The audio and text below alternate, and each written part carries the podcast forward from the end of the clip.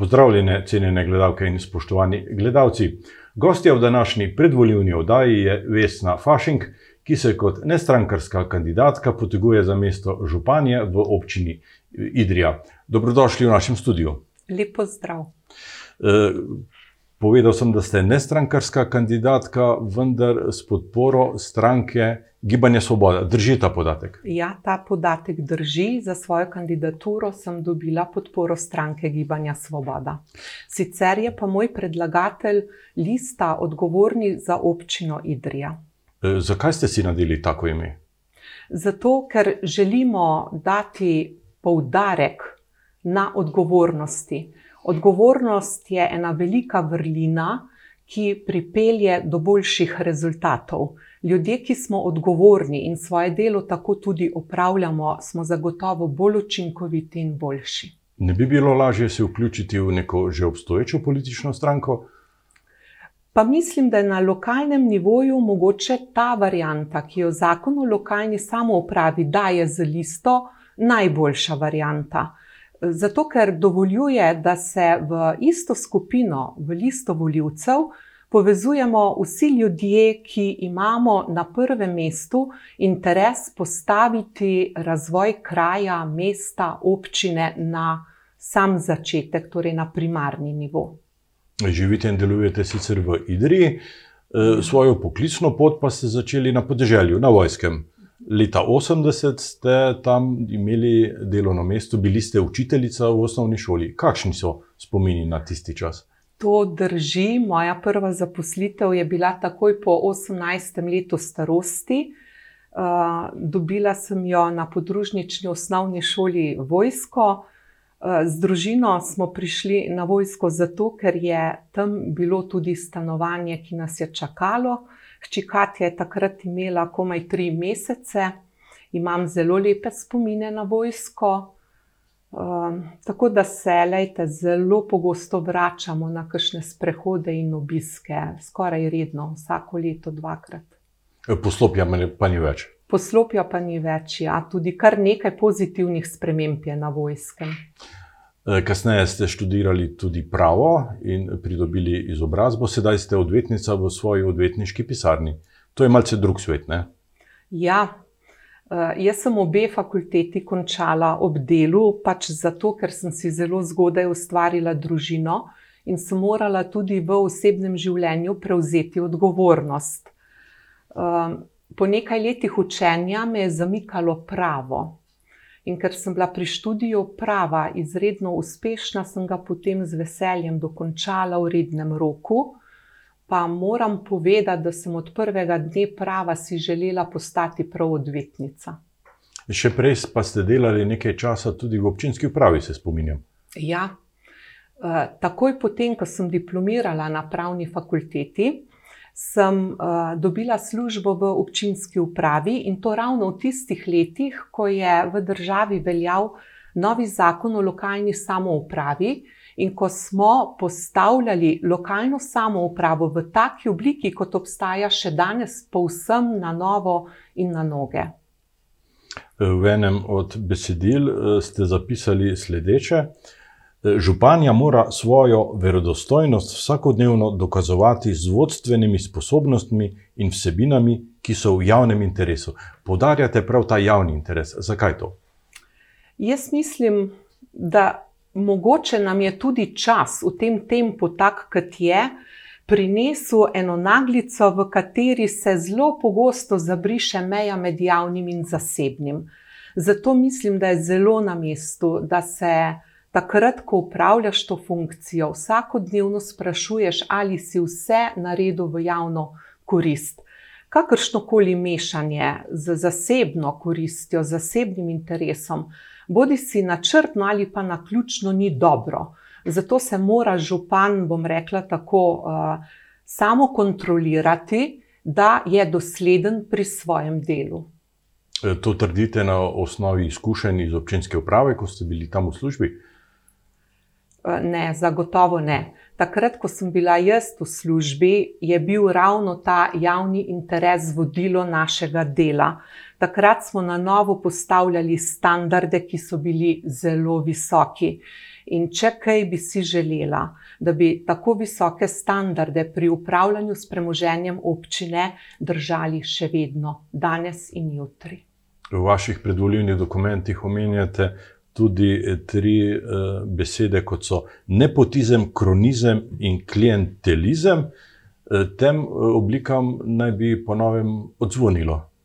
Zagotovo, gledajte, če kdo, potem mora biti občina vzor zakonitega poslovanja. Občina ne sme imeti niti priprtih vrat za kakršne koli take nedopustne oblike poslovanja. Delovna mesta, ko jih občina razpisuje, morajo biti dostopna vsem pod enakimi pogoji.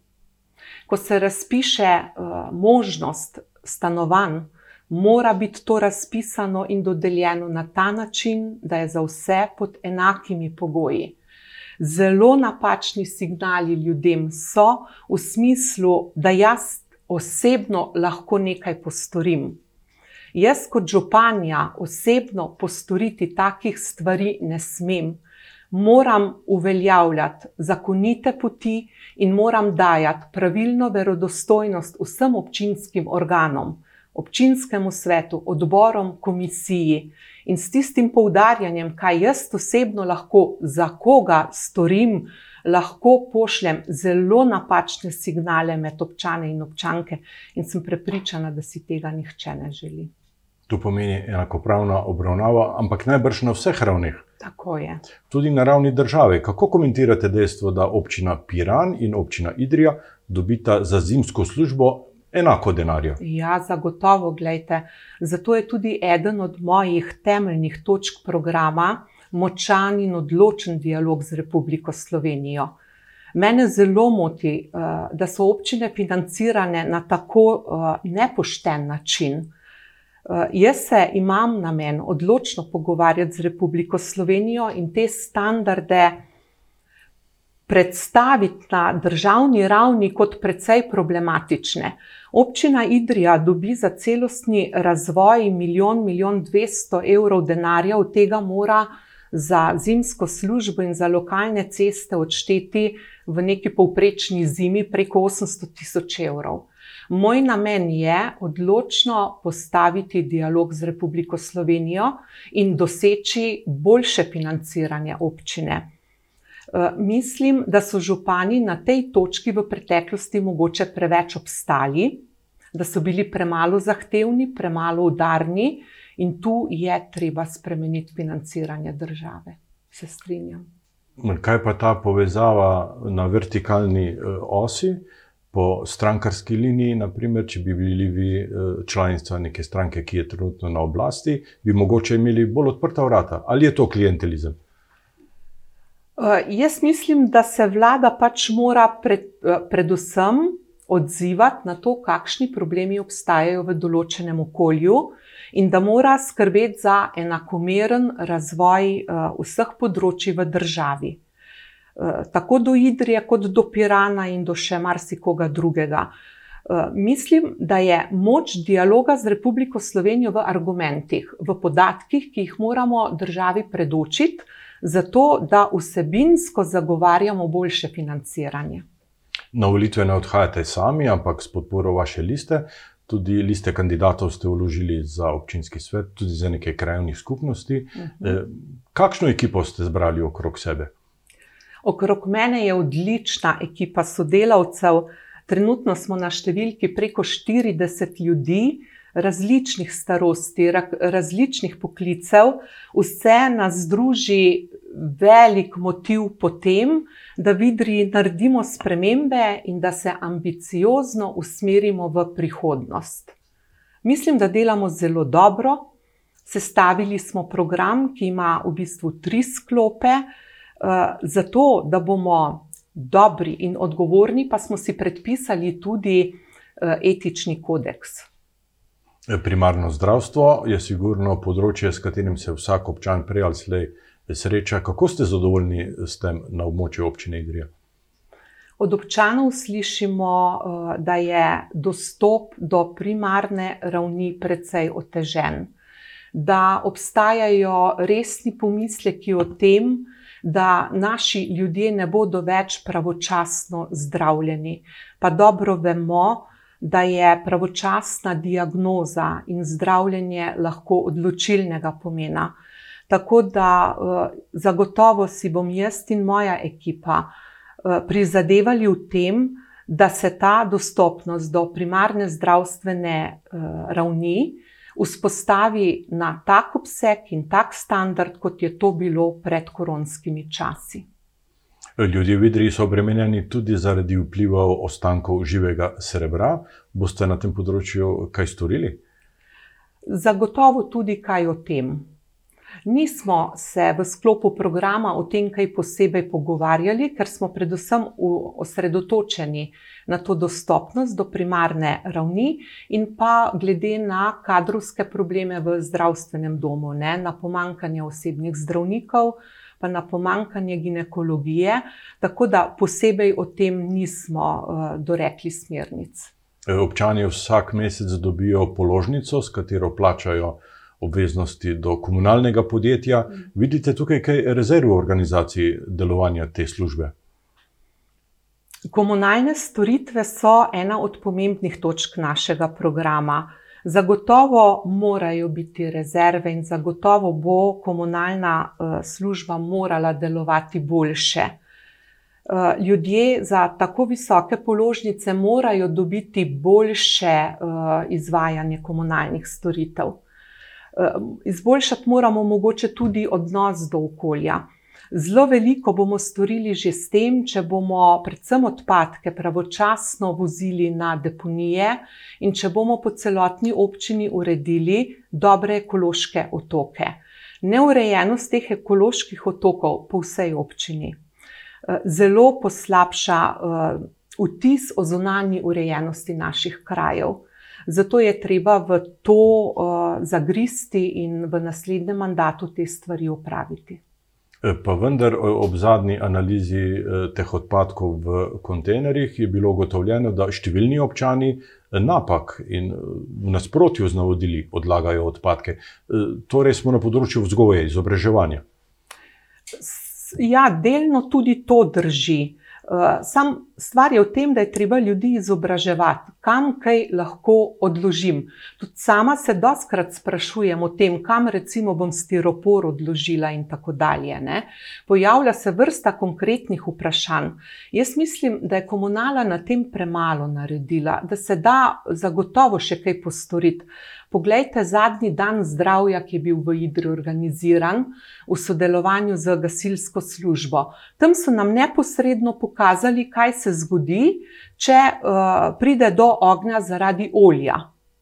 Uh, nekaj podobnega, en tak zelo poučen dan bi morala narediti tudi komunala, da bi nas neposredno na terenu, na placu naučili, kaj in kako je potrebno sortirati odpadke. Tako da vsekakor. Eh, več izobraževanja o tem.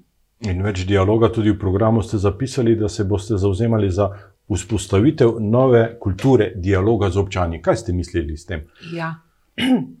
Na tem mislim zelo veliko uh, narediti. Uh, občani so preveč pozabljeni pri vseh teh projektih, ki jih uh, občina izvaja.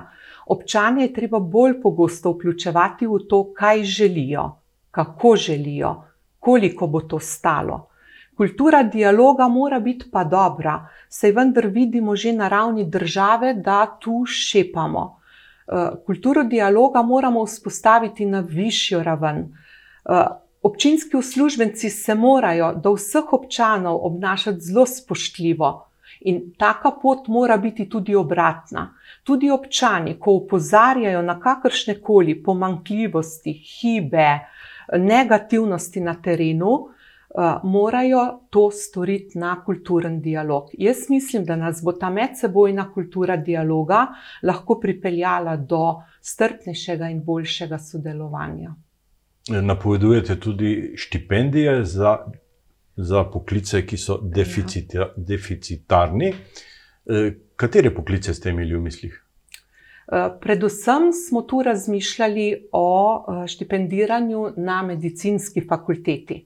Namreč situacija, da danes v Idriji potrebujemo kar 10-11 zdravnikov, je zelo kritična in do nje ne bi prišlo, če bi pred desetimi leti ne, eh, znali izračunati, koliko ljudi nam bo odhajalo v pokoj, in če bi že takrat uvedli kadrovske štipendije za eh, študij na medicinski fakulteti.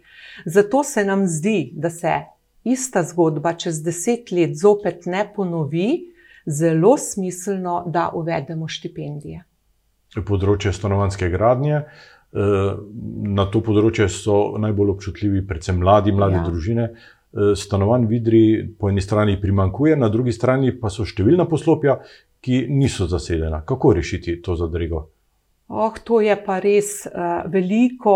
Uh, to področje bo zahtevalo zelo veliko dela.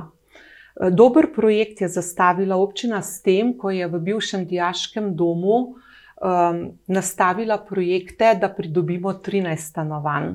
V teku je tudi nekaj dobrih zasebnih projektov, tako da tu nam zasebniki pomagajo um, nadomestiti primankljaj na trgu.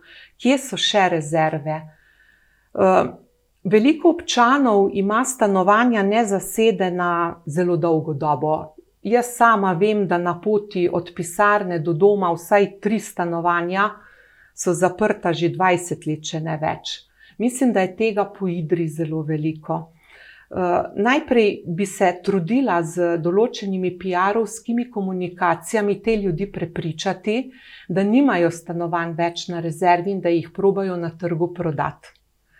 Eh, stroka bi lahko ugotovila tudi, da imamo nesorazmerno veliko praznih poslovnih prostorov, vendar na določenih manj pomembnih lokacijah bi bilo mogoče dobro presoditi možnost, da iz poslovnih prostorov lahko naredimo tudi stanovanje ali pa kakšno obliko varovanega stanovanja. Seveda je treba pa zelo aktivno sodelovati tudi s Stanovanskim skladom Republike Slovenije. Država se tukaj trudi, pripravlja nekaj programov, tako da tudi s pomočjo države bi mogoče v Idrijo pripeljali boljše čase. V Ledinah, v Godoviču, eh, naj bi nastale nove telovadnice, novi kulturni eh, centri, eh, otroški vrtci, novi oddelki, povečana šola v na, v ledinah. Kako spremljate te načrte?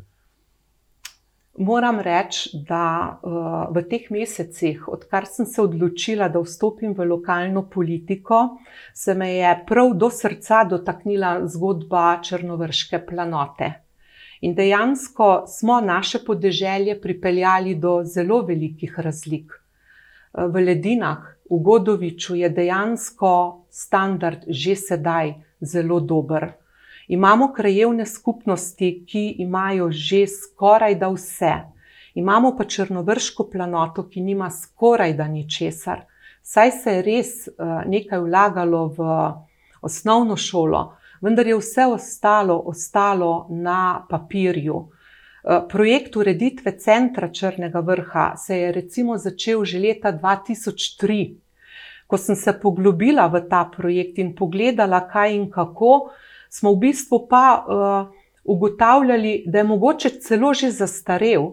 Črni vrh rabi obvoznico, državi je treba jasno postaviti to, da za, uh, za razvoj stališča, kaj bo jutri, bi črni vrh rabil že obvoznico, da se tisti težki tovornjaki čez center sploh ne vozijo.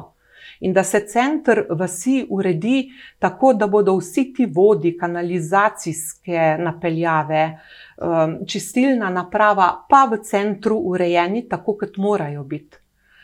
Na Črnem vrhu, recimo, imajo tudi uh, dom krajanov, ki je urejen samo v eni malenkosti spodaj, pa dom krasno živi, gor se dobivajo planinci, pevci, krajevna skupnost. Jaz mislim, da je skrajni čas, da se ta dom uredi na tak način, kot smo priča podobnim domovom po drugih krajevnih skupnostih. S tem, da je tudi krajevn, uh, kulturna dvorana v spodnji Idri v dosti slabem stanju, ampak slišim, da projekt za to obstaja. Uh, in tam žal imamo še vedno VC, ki je skoraj že zgodovinske vrednosti. E, kako pa gledate na stanje kulturnih domov v Idriji? Rudniška dvorana je iz posebno nekih drugih časov. Ja. Uh, no, v sklopu naših vsebinskih programov uh, je realizacija tudi prenove filmskega gledališča v Idriji ko bi dosegli eh, prenovo, razširitev filmskega gledališča v Idriji, bi verjetno rudniška dvorana eh, ne bila več potrebna. Bil bi en objekt manj, pa mogoče se tam potem sprosti prostor, na katerem bi lahko načrtovali, pa kaj od tistega, kar Idriji zelo manjka. Ste zadovoljni z življenjskim utripom eh, občinskega središča? Prej ste omenili, da Črni vrh odlično diha. Tako s prireditvami, mesto včasih se zdi, da spi. Mesto, po mojem videnju, zaniha. So obdobja, ko imaš občutek, da spi, in so obdobja, ko prireditve zelo lepo tečejo, in so se določene prireditve v mestu tudi že zelo lepo prijele. Mogoče moramo ljudi še dodatno zmotivirati, da bodo določene prireditve eh, bolje obiskane tu se zagotovo da še kaj narediti. Kar se pa tega, uh, Idrija je mogoče postala premalo ambiciozna v nekih razvojnih projektih, mogoče tudi premalo odprta na pestrost teh prireditev, vendar pa, uh, da je stanje nezadovoljivo, to bi pa rekla, da uh, ne bi bilo prav učitati. Sedaj hodite, v teh dneh hodite po uh, krajovnih skupnostih, se pogovarjate z občani uh, in kaj obljubite? Uh, obljubljamo malo, ker želimo biti realni, ker nam stanje našega proračuna ni čisto dobro jasno, koliko in kaj ta proračun še zmore. Vendar pa zagotovo uh, bo potrebno uh, storiti uh, v zvezi s centrom Črnega vrha napredek, z domovi krajanov, tam, kjer še niso uh, dograjeni. Zagotovo uh, obljubim skrb za pitno vodo, ker je nujno potrebna. Dograditi bo potrebno vodovode tam, kjer so projekti v teku, potrebno bo preprečiti otekanje pitne vode. Eh, zagotovo lahko obljubimo eh, skrb za cestno infrastrukturo, vsaj v takem tempu, kot se je to do sedaj izvajalo. Eh, zagotovo bomo naredili nove te ekološke otoke po celem podeželju, v vsem ostalem smo pa v obljubah precej previdni. Boste po izvolitvi za županjo zaprli odvetniško pisarno? In delovali kot uh, poklicna uh, županja, ali boste obdržali pisarno in bili kot nepoklicna županja? Več različic je možnih. Ja, ampak to sta uh, dve zadolžitvi, ki zahtevata celega človeka. Ko upravljaš poklic odvetnika, ga upravljaš 12 ur na dan in 6 dni v tednu. Si predstavljam, da je tudi z županovanjem enako. Cel dan, pa po možnosti še vsaj ob sobotah, če ne celo ob nedeljah. Ti dve stvari nista združljivi. Eh, ko bom izvoljena za županjo, se bom temu posvetila v celoti, tako kot sem se svoji odvetniški pisarni. Pisarno pa bom zaprla, oziroma upam, da pripeljem kakšno mlado Idričanko ali Idričana, ki zdaj to isto delo upravlja kje drugje, da pride in se vrne nazaj v Idrijo. Vesna Fašink, hvala za obisk v našem studiu, hvala za ta pogovor in vse dobro in uspeh na volitvah vam želim. Ja, hvala lepa. Vam, spoštovani gledalke in cenjeni gledalci, pa hvala za pozornost in seveda srečno.